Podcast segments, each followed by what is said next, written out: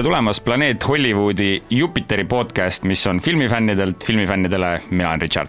ja minu nimi on Andri ning äh, nagu Richard ütles, siis südamest südamesse seda teeme, et tuua teile kõige paremad need Hollywoodi filmid, sellepärast et äh, neid kriitikute arvustusi ja filme me oleme siin meedia vahendusel kogu aeg näinud, aga just need asjad, mis äh, lähevad meile korda ja mina küll enda kohta ütlen, mainstream filmivaataja oo jaa, täiesti häbitult suured kassahitid, suured Hollywoodi blockbusterid meile meeldivad.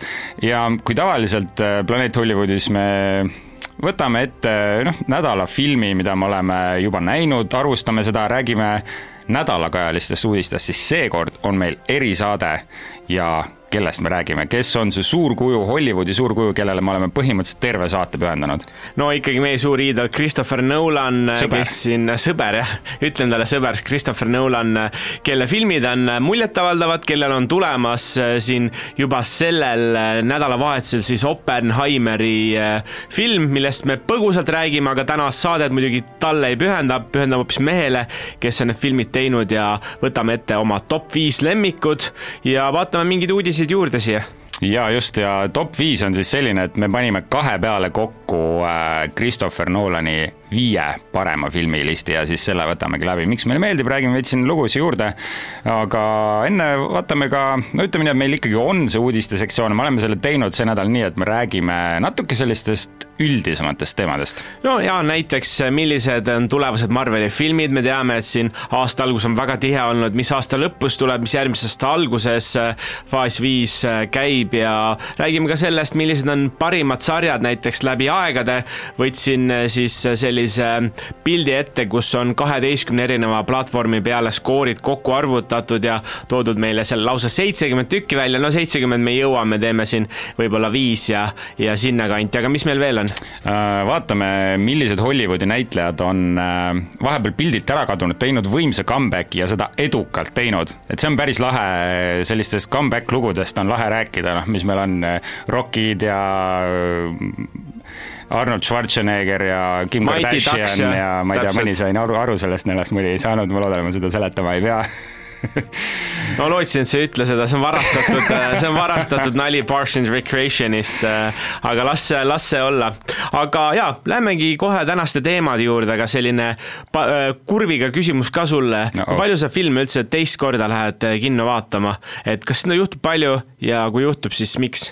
Vanasti juhtus rohkem, aga ma üldiselt käin mitu korda vaatamas. ma olen käinud, ma ütlen viimati ma käisin, film, mida ma vaatasin kõige rohkem, oli minu arust Star Wars The Force Awakens, ma käisin seda seitse korda kinos vaatamas. sa oled hull. kuna see oli seitsmes osa, see Star Warsi seitsmes osa, siis mul oli Richard. eesmärk käia seitse korda seda kinos Richard, vaatamas. sa oled hull, tead jah? nojah no see on okei okay.. no ei tea, ei tea midagi, las siis äh, publik otsustab äh, selle üle, aga mille järgi sa valid, et sulle ikka film peab nii väga meeldima, et sa lähed või mis värk on? jaa, no üldiselt see peab olema selline film, mis on väga kinofilm ja ehk siis väga suured efektid, väga võimas heli. ma arvan, et Avatari teine osa oli ka film, mida ma käisin neli või viis korda kinos vaatamas. mul on meeles esimene film, mida ma käisin kaks korda vaatamas, see oli Deja Vu äh, Denzel Washingtoniga oh, wow. peaosas. ja see oli esimene kord, kui ma kaks korda, ma, mulle väga kaks korda ei meeldi, aga kõige rohkem olengi muideks Tenetit vaat-, vaadanud äh, kolm korda, käisin vist kinos vaatamas, et äh, et see on esimene film, mis siis läks üle kolme korra ja väga tihti ei juhtu, et ma,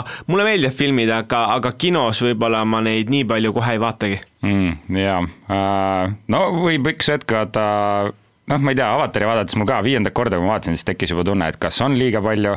no ma ei tea, mulle meeldib ikka, see kinos käik on ka mitte ainult see filmi vaatamine, vaid sa lähed nagu pimedasse tuppa, sul on hea snäkk ees. just, just, just, just, see kõik on äh, meelte siis stimuleerimine selline, see on täitsa mõnna, aga. ja suvel muideks inimesed käivad ju ka jaheduse just, pärast, see on nagu, kui ma esimest korda kuulsin, mõtlesin, et nagu mida hekki, et inimesed lähevad kinno sellepärast, et seal on jahe ja sellepärast, et õues on kuum. Eestis esiteks on mega harva üldse soe ja teiseks, et miks sa pead siis minema, aga olengi ise kasutanud, päris mõnus. no juulikuu on käimas, selle palavuse eest tahaks ikka peitu pugeda vahepeal, aga mul tuli praegu meelde film, mida ma esimest korda käisin äh, kaks korda vaatamas. No,.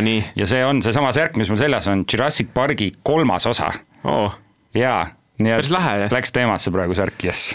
nii et tundub, et täna meil, meil selliseid teemakohaseid asju on, muideks me tulime ka siia, me kohtusime ah, siis, äh, kuna Nolani erisaade on, siis äh, koht-, kohtusime Teneti ühe võtteplatsi koha ees, see on see kohtumaja, mis siin Liivalaia tänaval on, kohtusime seal ja rallisime stuudiosse, nii et väga, väga sümboolne värk täna. Oo oh jaa, ja kindlasti räägime ka Linnahallist, kui jõuame võib-olla mõne filmini. ja oma kogemusest, aga vaatame, kas see on üldse top viies, seda ei tea, läheme selle nädala uudiste juurde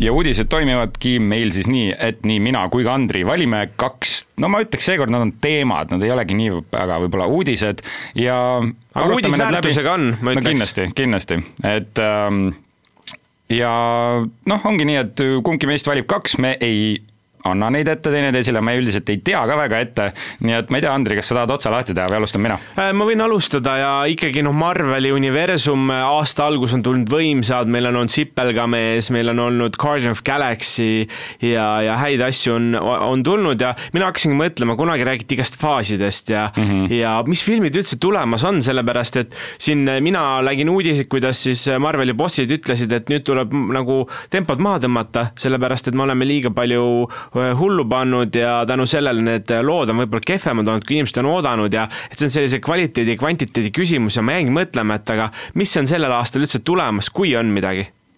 no ma loodan, et see läheb nüüd tõusvas suunas, sest noh, sa mainisidki noh, et sa ütlesid suured filmid, mis on pauguga tulnud, Ant-Man, noh, ta tuli sellise noh, kui mitte pauguga, siis ta tuli niisuguse plaksuga ma ütleks. no ta tuli ja, no, plaksuga, jah. ja, ja Guardians kolm, no see põhimõtteliselt ma arvan, et ma ei ole siiamaani ühtegi inimest näinud, kellele see film ei meeldiks, nii et ma, hetkel me oleme siin nagu hai peal. ma ühte inimest nägin muideks just äh, sellel nädalal, väga huvitav, äh, aga jah, tõesti, inimestele on pigem meeldinud ja, ja ma loengi ette, mis veel sellel aastal tulemas on ja tegelikult nii ma tahtsin küsida, mitmes faas meil praegu käimas on? jaa, ühesõnaga meil praegu on juba viies faas käimas ja viies faas Marvelil hakkaski siis selle Sipelgamäe filmiga selle aasta veebruarist ja enne siis oli olnud faas neli, kus kõik need igasugused ämblikmehed ja asjad jäid äh, selja taha ja nüüd äh, viies faas hakkaski ämm äh, Sipelgamega, siis tuli Guardian of Galaxy ja nüüd järgmine film ja terve see faas teadaolevalt seitsmest filmist koosneb, praegu on siis tulemas kolmas välja sellel aastal,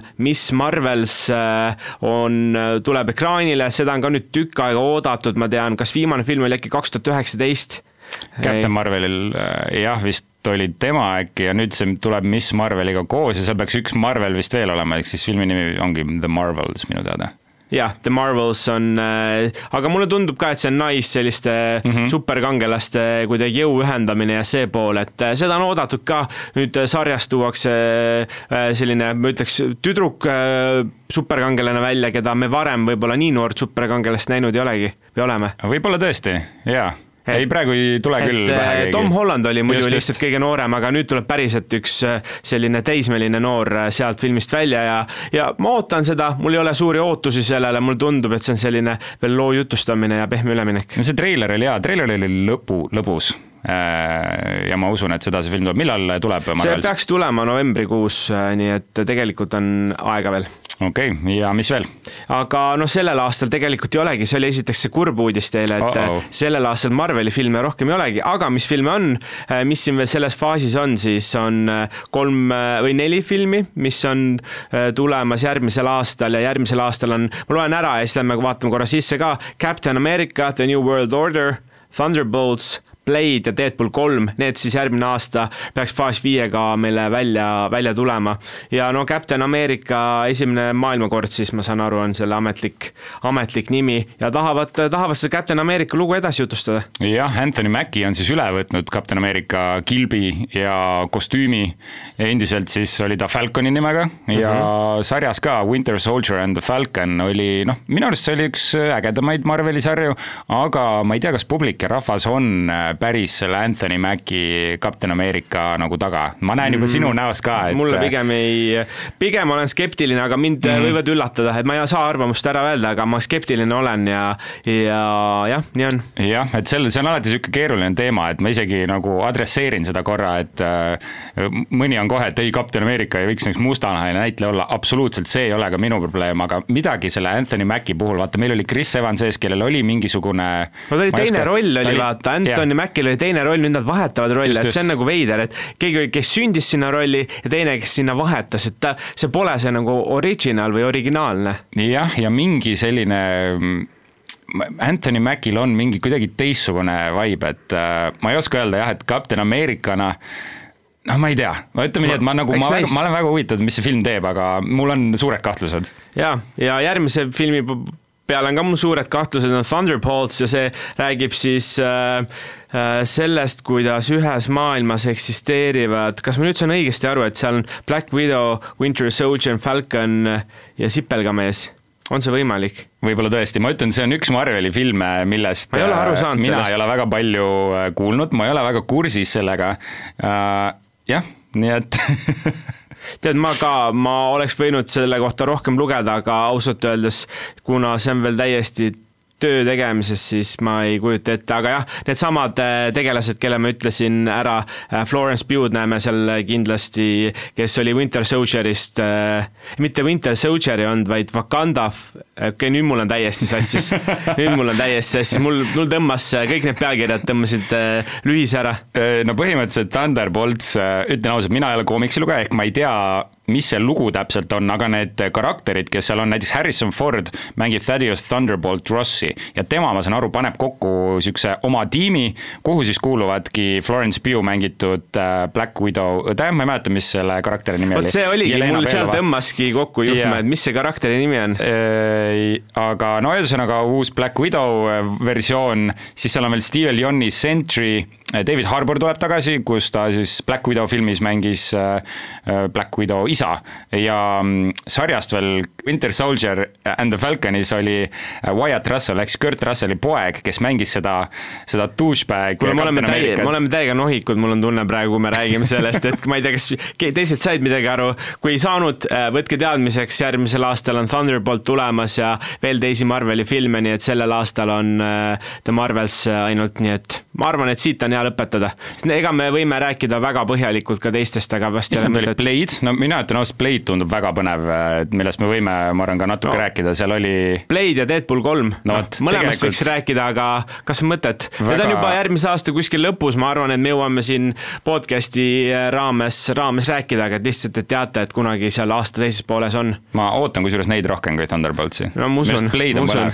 On ma usun, mina ootan ka, aga mis veel, Richard, meile uudistes head? Uh, ma valisin sellise teema, et uh, lugesin ühte artiklit, mis rääkis siis näitlejatest, kes on uh, kunagi tulnud suure hurraaga Hollywoodi maastikule, sealt vahepeal ära läinud või ära kadunud või midagi on juhtunud ja tulnud võimsa comeback'iga tagasi. Ja võimegi öelda seda, et eelmine aasta oli suur comeback'ide aasta, kuna ka Oscaritel kaks meest, kes siis olid pikalt filmimaailmast eemal, tulid tagasi ja korjasid need kuldmehikesed ära. ma veel ei ütle, kes need on, mõned inimesed ilmselgelt juba no, aimavad. Andrei aga... ja Richard, ma arvan. oi, no see oleks võimas, aga ma alustan, mul on niisugune neli kuni kuus äh, näitlejat siin äh, välja valitud, et ma natuke filtreerisin seda nimekirja ja esimene mm, nimi, kes mulle silma jäi, kes praegu teeb väga head tööd, on Jennifer Coolidge. kui see nimi ei ütle midagi, siis kindlasti oled American Pies näinud, ta mängis Stifleri ema ta oli selline yep. kuugari siis välimusega naine, kes seal äh, hullutas siis Stifleri sõpru, eks ole. ja nüüd ta ongi siis jõudnud tagasi väiksele ekraanile, kus ta mängib sarjas White Lotus, mille eest ta sai ka Kuldgloobuse nii et Jennifer Coolidge, väga lahe näitlejanna, kes tõesti on nüüd oma teise nooruse üles leidnud ja teeb ägedaid asju. mulle tund-, tundubki, et osadel näitlejatel on vanusega see, et noored mm. teevad ära, põlevad läbi, puhkavad ja siis tulevad tagasi ja siis toovad selle tor-, kirsile, kirsi, tordile toovad kirsi. täna on, tundub, et keel on sõlmes. aga mees, kes on samuti tulnud tagasi areenile, on Kieran Culkin. Ja tegemist on siis kuulsa Home Alone'i äh, Macaulay Culkini vennaga. Ja kui ta ka filmides mängima hakkas, siis ta oli kohe alguses oma venna varjus. Äh, aga tema üks kuulsamaid filme, Igby Goes Down, oli üheksakümnendatel väga äge film. Ja nüüd on ta sellises telesarjas nagu Successionis, mängib Roman Royd. Ja ma ütlen, see on, kes Successioni sarja pole vaadanud või on vaadanud tema on parim osa selles sarjas, minu okay, arust see vend lihtsalt niimoodi seda. naudib. no Succession on põhimõtteliselt äh, ma ütleks, ma kutsuks seda nagu see nagu Game of Thrones, aga tänapäevases maailmas ühe perekonna mm. lugu, kes on nagu põhimõtteliselt üks kõige rikkam pere Ameerikas ja kuidas nemad seda pereettevõtet juhivad ja millised backstab imised, okei okay,, nüüd ma hakkan jälle seda Estlishit rääkima noa selga löömised, reetmised ja sellised noh, niisugune plaanimine käib seal. et äh, ta on praegu väga, ütleme selline kuum näitleja selles mõttes, et äh, on väga teemas. ja, ja lähme nüüd filminäitlejate juurde, Winona Ryder naine, kes siis äh, oli suur staar kaheksakümnendatel ja üheksakümnendatel, tegi kaasa filmides nagu Beetlejuice, Bram Stoker's Dracula, Heathers ja mängis ka Friendsis. Äh, siis kahe tuhande esimesel aastal jäi ta vahele poevarguste eest, tal oli valuvaigistite sõltuvusega probleem ja nüüd sari, mis noh, ma arvan, et väga keeruline on leida inimest, kes ei ole sellest sarjast midagi kuulnud vähemalt, Stranger Things. no seda sarja teavad kõik ja tegelikult sealt tuligi teema nimi mulle juba tuttav, ma neid varasemaid asju ei teadnud, aga mm, -hmm. aga nagu me enne rääkisime, saad natuke vanemaks, teed veel lahedamaid projekte ja ma arvan, et see avab äkki ukse veel mingitele uutele asjadele, et, et see on alati hea hüppeplatvorm. Nii et tal on ka hea, heas sõiduvees praegu ja läheme nüüd äh, väga ägeda mehe juurde, kelleks on Michael Keaton. alatiseks on ta, noh, minu silmis ja ma usun ka paljude teiste jaoks Batman Bruce Wayne, samuti tegi kaasa filmides nagu Beetlejuice ja The Night Shift ja kahe tuhandendate paiku kadus ta suhteliselt ära Arenilt.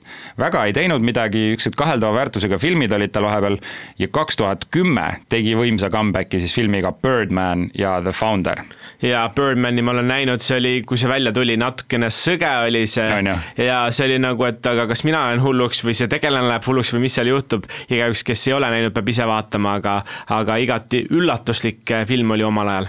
oo jaa, ja selle eest ta minu teada ka ei, see film võitis parima Oscari, tema minu arust meespeaosa sellest no, ei ilma saanud. temata ei oleks seda Oscarit no, tulnud tõenäoliselt, nii et kindlasti, kindlasti ja sellel aastal äh, tuli ka välja tal film The Flash, kus ta mängiski siis äh, Batman'i absoluutselt, nii et, äh, nii et tundub, et veel suuremad kui varem, sest just, see Flash just. on ka ikkagi väga, väga viimase aja üks suuri filme. oo oh jaa, ja nüüd lähme mehe juurde, kes, kelle üle on minul meeletult hea meel, Ke Hui Kwan, tegemist on siis Aasia näitlejaga Vietnamist pärit äh, tuntumad filmid tal olid Goonies ja Indiana Jones and the Temple of Doom ja kuskil no üheksakümne kuuenda aastani, pärast neid kahte filme siis, üritas ta veel näitlejana läbi lüüa, meeletult raske oli Aasia näitlejal äh, tööd saada sellel ajal ning otsustas, et teeb lõpparve.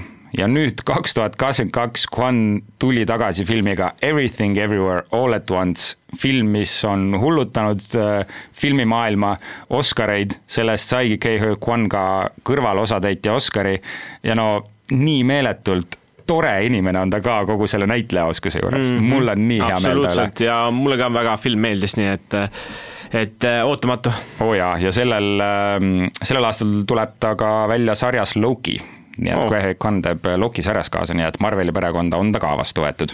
aga siit lähme sujuvalt edasi siis äh, sellise rubriigini, kus on, ma leidsin üksteist erinevat hindamis, äh, hindamisplatvormi ja nad võtsid kokku siis kõige paremad sarjad nende arvates ja siis kokku on tulnud selline üldedetabel, no siin on vana klassika IMDB, Rotten Tomatoes, Metacritic, Letterbox, iCheck Movies, Wrap Up ja neid on veel tegelikult, nii et on võetud kõige, kõige populaarsemad platvormid ja ma mõtlesin, et ma loen top viis sarja siis ette, et mis on nende arvates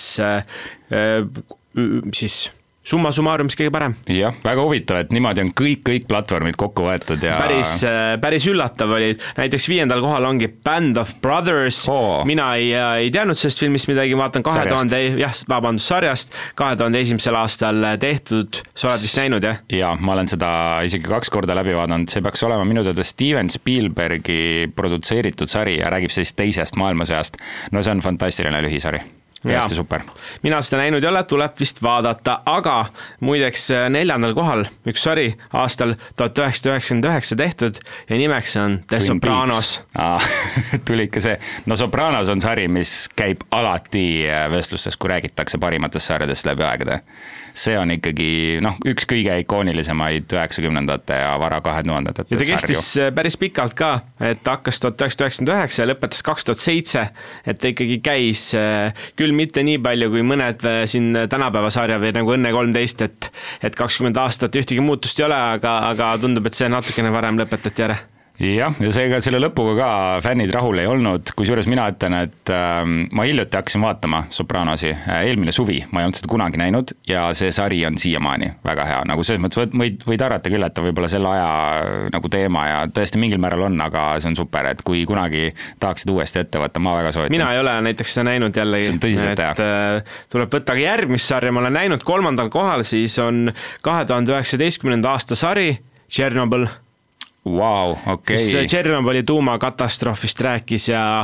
ja ta oli väga selliselt sisevaatlikult, väga detailselt, väga efektselt tehtud minu meelest ja, ja mulle väga, väga meeldis see sa vaatasid ära? ma olen osad? seda näinud, jah. päris karm vaatamine, see, see oli ikka selline asi, et noh, see ikka raputab sind korralikult, visuaalselt võimas, jah südantlõhestav sari, ütleks. nii et kui keegi näinud ei ole, tahab äh, siin natukene kurbust südamesse, siis äh, vaadake see ära. teisel kohal sari, mida olen ka näinud, aastal kaks tuhat üksteist sai alguse, praeguseks juba lõppenud, Game of Thrones mm,. no see ei üllata absoluutselt, see ei üllata üldse ja ma julgeks öelda, et see on äh, kui mind... ta ei ole minu lemmiksari, siis ma ütleks, et ta on läbi aegade kõige parem sari. Vau, mis laused, ma, minu jaoks on küll üllatus, et ta siin nii ees on, et ma oleks mõne pannud ettepoole, aga ma saan aru, ta on eepiline. Oh,. nii ühtegi nii eepilist sarja ei ole. Ta tänaseni veel tehtud. ja nii kõrgelt hinnatud, kuigi jah, hilisema, hilisemad hooajad ikka fännid ei ole absoluutselt rahul, et selles mõttes ma üks küll ütleks, et ta on võib-olla üllatav, et ta ei olnud algusest lõpuni nagu äh, järjepidev.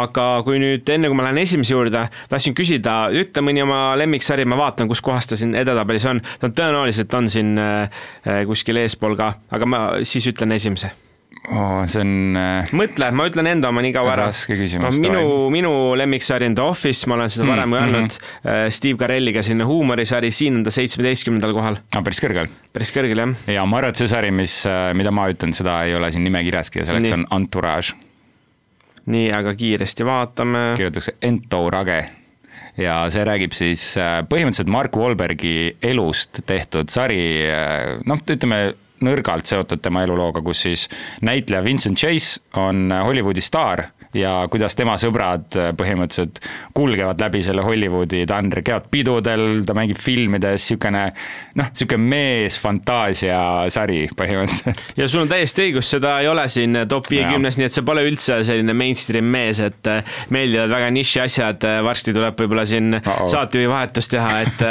kui me räägime, et teeme siin Hollywoodi filme, varsti on ainult tagaaias filmitud asjad meil. no see on nii Hollywoodi sari, kui üldse olla saab, ma arvan, et sulle väga meeldiks kusjuures pean sulle, pean sulle vaata, et mina saan ka soovitusi, ei ole see, et ainult kuulajad äh, saavad siin soovitusi, vaid äh, päriselt ka, mina saan ka, sellepärast et ega me iga päev äh, nendest asjadest niimoodi ei räägi ja sellepärast on suur rõõm ja, ja ma lisan veel juurde eelmise teema omad, mul jäid kaks kõige tähtsamat äh, meest ütlemata ja see oli Brendan Fraser ja Robert Downey Jr. no õnneks neid mehi kõik teavad, nii et nendest ei pea väga pikalt äh, rääkima, aga on sul veel mingeid uudiseid? ja ma mõtlesin, et äh, seoks nüüd ühe teema Oppenheimeriga ja Christopher Nolaniga ja me teame, et äh, Christopher Nolani uus film, siis Oppenheimer, mida sellel nädalal saab kinodes vaadata, see tuleb kolm tundi üheksa minutit pikk film.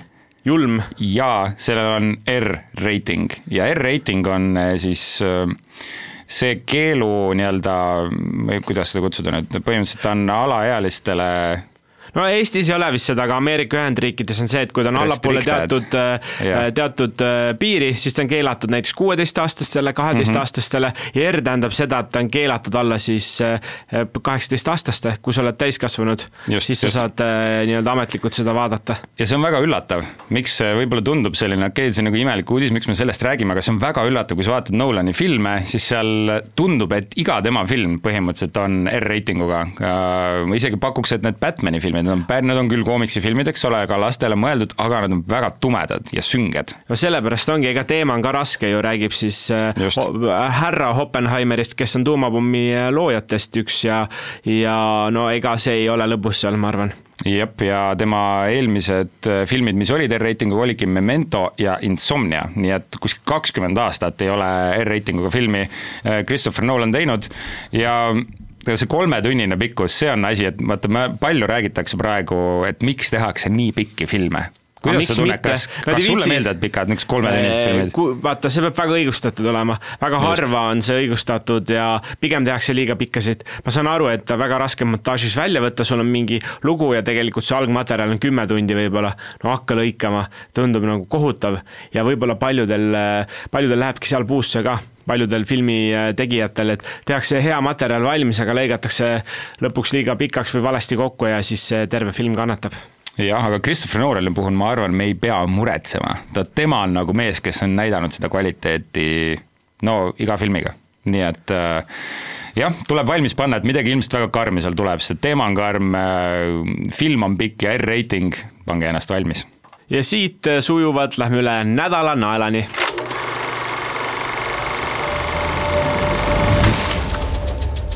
ja nädala nael sellel nädalal on viis naela korraga. põhimõtteliselt viis naela, täpselt nii ongi, et äh, me mõtlesime, et kuidas siis äh, rääkida Nolanist ja tema filmidest. Ja siis me panimegi kahe peale kokku. me põhimõtteliselt oli, võtsime nimekirja ette tema üheteistkümnest filmist ja panime neile kohad ja punktid.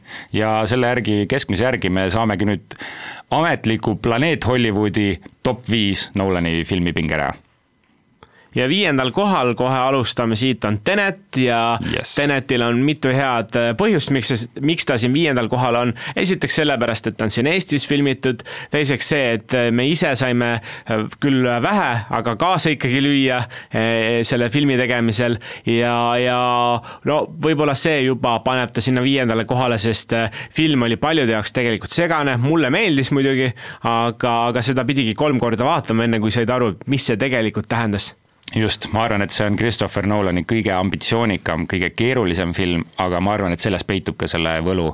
ja just mulle ka teisel korral, teisel vaatamisel ma viisin kokku. Lõpuks need väga geniaalsed mõtted, mis tal selle filmi ajal tegelikult olid. kõige kallim originaal äh, selline stsenaarium oli äh, kakssada viiskümmend miljonit, äh, nii, nii palju antud kunagi kellelegi raha antud, et kuule, võta originaallugu, tee nüüd mölla. Ja, ja ta sattus kahjuks oma aja mõttes lihtsalt ülikehva kohta, koroona aja piirangud ja kui korraks tehti kinod lahti, siis see enam ei päästnud kassatulu, nii et ta langes kivide vahele niimoodi, et inimesed paljud ei ole näinud seda, paljude jaoks oli segadus ja segane ja nüüd ta ongi siin.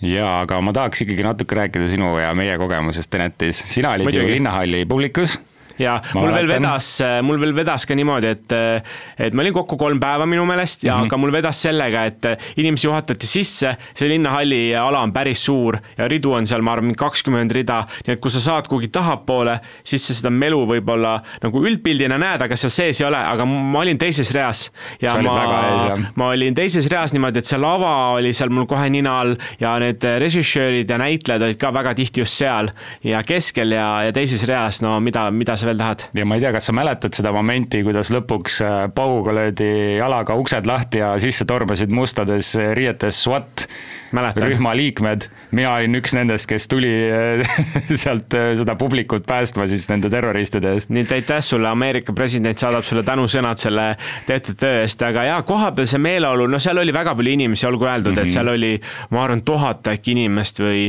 noh, seal, see oli ikka, no viissada oli kindlasti, kui mitte, mitte rohkem, ma arvan, pigem tuhat. ja kogu see ümberkäimine, kuidas inimesed sinna jõuavad, saavad ära, tulevad, toitlustus, vetsus käimine, noh, see oli ikkagi väljakutse, seal inimesed olid viimase piirini aetud, aga pigem eestlased olid tublid, nutitelefone kasutada ei tohtinud, mina ostsin endale Sudoku ja ristsõnu sinna kõvasti ja muidugi sain tuttavaks kõigiga, kes mu ümber olid, sellepärast et äh, see oli ka päris huvitav kogemus. see oli ka tore, just ma, minu arust ma ei teadnud, et sa seal filmivõtetel oled ja kui ma lõpuks sind publikus üles leidsin, noh, see ongi, et sa nagu sellises nagu Hollywoodi filmivõtetel sa näed mingit sõpru, mida sa ei arvanud, et sa näed, et see oli väga lahe ja üldse ma ütleksin, et äh, kui keegi küsib mult, mis on mu üks ägedamaid filmikogemusi või ma ütleks isegi elukogemusi, siis see Teneti filmivõtetel olek oli täiesti nõus, täiesti nõus, et lähed näha, kuidas töötavad need IMAX kaamerad, kuidas näitlejad üliprofessionaalselt tegelevad selle asjadega, kuidas tegelikult seal mingeid asju juhtub, sa näed mingeid hetki, mingeid inimesi, näed, kuidas see film hakkab juhtuma, on ju. ja, ja mis üldse sinna päriselt läheb lõppu, lõppu jõuab ka, on ju, et kohapeal tehti ju päevade, nädalaid tehti ja, ja film saab mingi kolm minutit, on ju.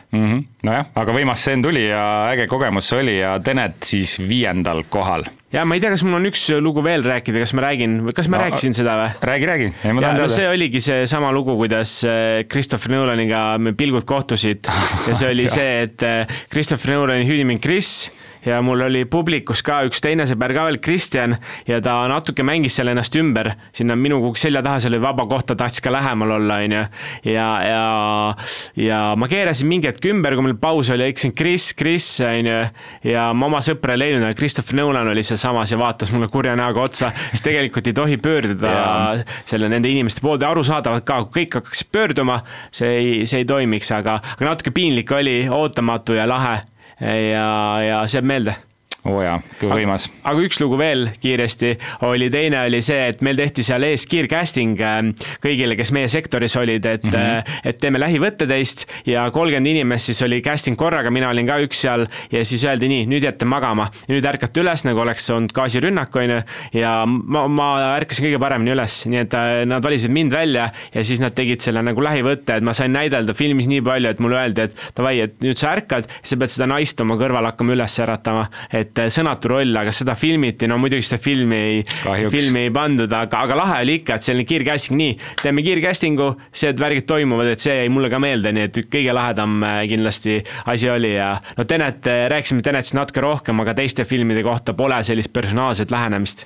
jah, aga mina sain ka, ma olen isegi mängisin kahte rolli Tenetis, üks oli see SWAT ja teine oli, ma olin Lasnamäel üks tänaval kõndija lihtsalt ja mul oli moment, kus nad ütlesid, et nüüd sa pead vaatama sinna IMAX-i kaamerasse sisse ja vaatama hästi täiesti segaduses oleva näoga. Ja ma tegin ja öeldi, et see on suur plaan ja see jõuab kindlalt filmi. ma olin jess, täiesti lõpp, ma näen enda näolappi seal ka. Ja kui film jõudis kinodesse, polnud ma põhimõtteliselt olin üks udukogu lihtsalt. no eks see, eks see nii kipub nende suurte filmide puhul olema, et lihtsalt ei jõuagi, aga, aga lõbus ikka, enda lõbus ikka. Ja kunagi ei tea, äkki üks sajast jopab ja saadki jep, aga kas lähme edasi neljanda kohaga? ja neljas koht, äh, The Prestige, mustkunsti film, eestikeelne nimi on Lõppvaatlus ja noh, see oli üks esimesi filme, mis ma arvan, mind rabas täiesti jalust ja siiamaani. Minu kohad oli kõrgemal kui neljandal ja, ja mina paneksin ta isegi sinna ülespoole, sellepärast et noh, nii, nii kaasahaarav paljud äh, ütlevad, et see on tema kõige alahinnatum film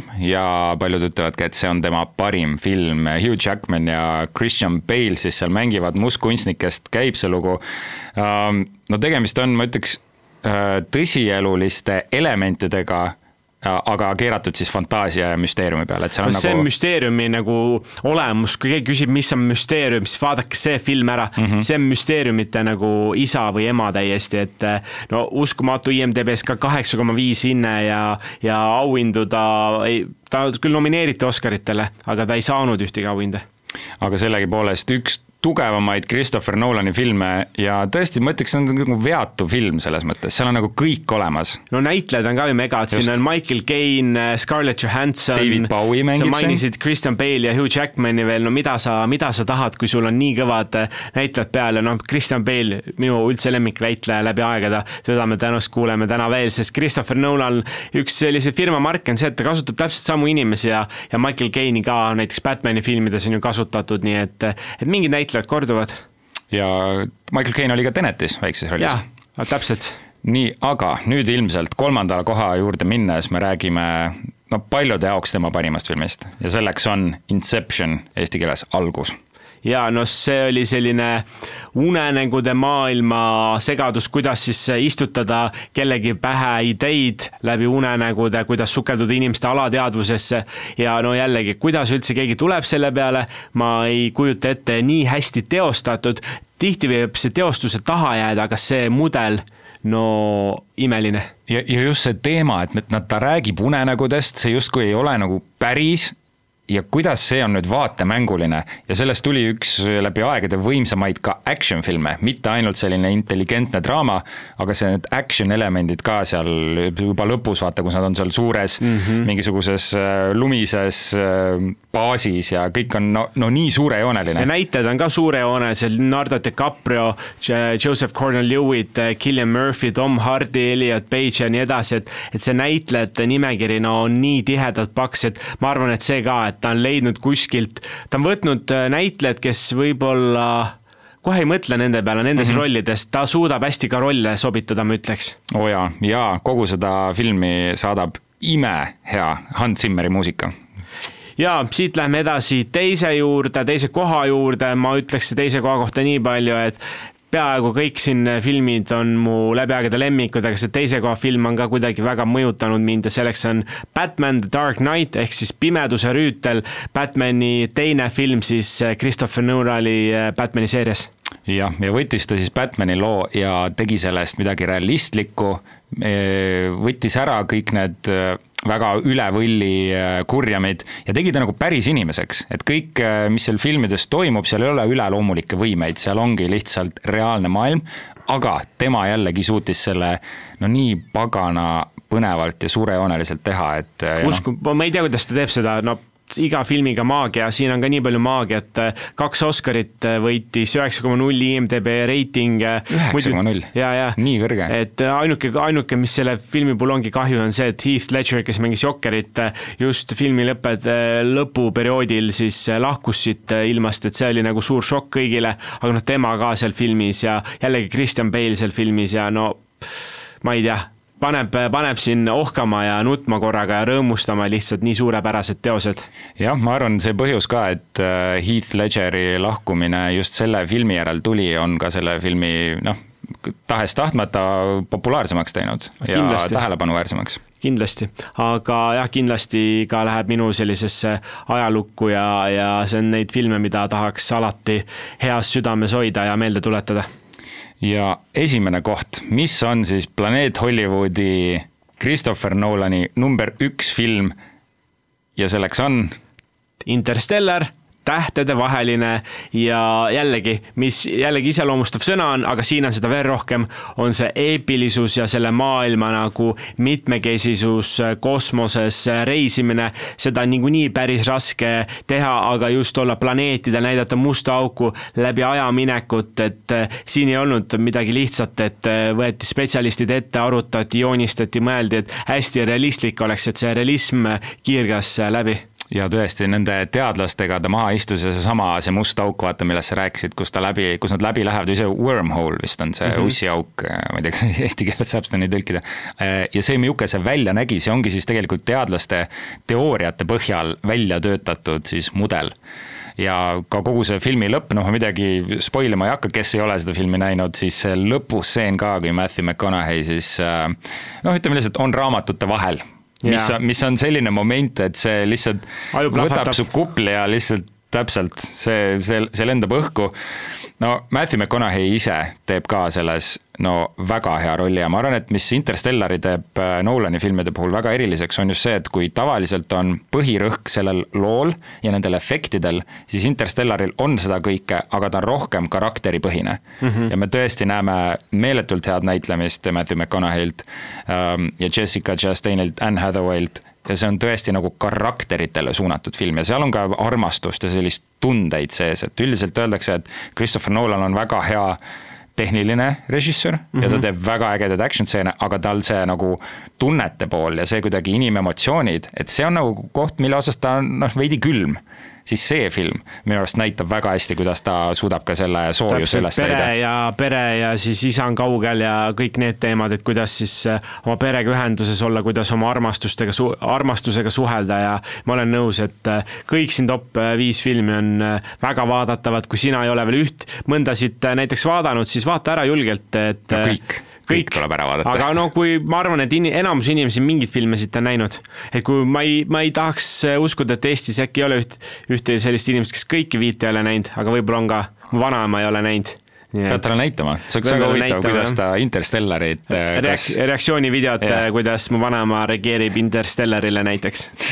ja teeme ära. üks asi veel, mis Interstellari puhul, ma mainisin seda ka mainisin seda ka eelnevate filmide puhul, aga Hans Zimmer ja Christopher Nolan ja Hans Zimmeri koostöö, tegemist on siis filmi heliloojaga, kes on noh, minu jaoks läbi aegade kõige parem, ma tean, John Williams on tihti nendes vestlustes number üks, aga see, mida Hans Zimmer Interstellariga teeb, on äh, no see on, see on tõepoolest ka maagia, see on lugu, mida ma, või noh, kogu see Interstellari album on see, mida ma kuulan vahel trennis, vahel tööle minnes, vahel eepiline lihtsalt, kui mul sama eepiline. kui see film, et eh, kui eepilised inimesed tulevad kokku ja teevad suuri asju, siis sellest tekib mingi teine maagia, teine universum, mis iganes selle nimi on ja sellega, selle nimekirjaga olemegi siis tema noh, tähtsamad filmid siis meie jaoks äh, läbi arutanud, aga ikkagi Oppenheimer.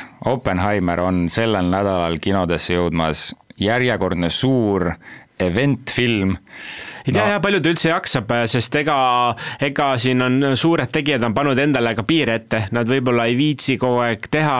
ma arvan, et Nolanil veel seda purakat on, aga nüüd tuleb natuke ennast tõestada, sest eelmine oli Tenet ja Tenet läks, läks juba teiste faktorite pärast pekki. et Oppenheimer on talle endale tõestamismoment ka, et kuidas ta sellest välja tuleb, mis sellest filmist saab. no Oppenheimeri filmi nimekiri, et kes seal näitleb, on ka, on ka väga pikk ja. see on retsilt hea nimekiri nimekiri. ja, ja mingite inimestest me oleme täna rääkinud, näiteks Killian Murphy, kes mängibki siis Robert Oppenheimerit, seal on Robert Downey Jr näiteks, Florence Pugh äh, ja, ja palju teisi, nii et äh, selline draamat näeb kindlasti no,, kindlasti näeb action'i, no treiler on väljas, sealt on ka näha, et sellist tagaajamist ja, ja sellist mõttetööd on. Äh, ei tea, kas ka ajas rändamist, sest Nolani üks selliseid lemmikteemasid on aeg või, või kuidagi liikumine ajas või selline noh, kõik, kõik see ma olen, ma olen üsna kindel, et see film äh, kasutab sedasama jutuvestmis niisugust liini, nagu Dunkirk tegi. vaata, Dunkirk oli ka, et me kohati nägime ühte kohta, siis hüppas jälle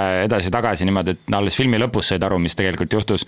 ma arvan, et siin Oppenheimerist ta teeb midagi sarnast et ka me näeme erinevaid kohti, alguses oleme segaduses ja siis lõpuks pannakse see pilt kokku. see on potentsiaalne Oscari nominent juba Oi, tegelikult, et, et kui ta teeb midagi, siis ta teeb hästi, nii et ma ootan põnevusega, järgmine nädal muideks juba räägimegi Oppenheimeri filmist ja, ja ma arvan, et homme, järgmine nädal mitte me ei räägi ainult ühest filmist, aga kuna on ka Barbi kinno tulemas, siis need on nii suured filmid, et me vaatame need mõlemad ära ja teile neid asju jagame. Kas oleks arvanud, et ühest küljest me räägime Oppenheimerist ja teine suur film mida rahvas täiega ootab ja millest me rääkima hakkame, on Barbi film. ei, ei oleks oodanud, aga, aga see haip siis on nii kõrge siin, kõik räägivad sellest. Ehm, siin kuu aega tagasi või vähem tuli välja see, et eh, mis muusikud kõik kaasa löövad, Dua Lipa ja, ja seal oli see nimekiri väga pikk, aga Dua Lipa näiteks teeb ka rolli Barbi, Barbi hmm. filmis, nii et eh, sellist põnevust on oodata mõlemalt poolt. nii et Christopher Nolan ja Roosa Barbi järgmine nädal ja selleks nädalaks ongi kõik,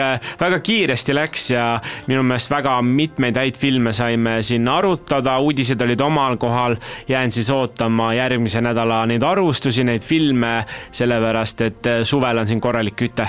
aitäh kuulamast ja näeme juba järgmisel kolmapäeval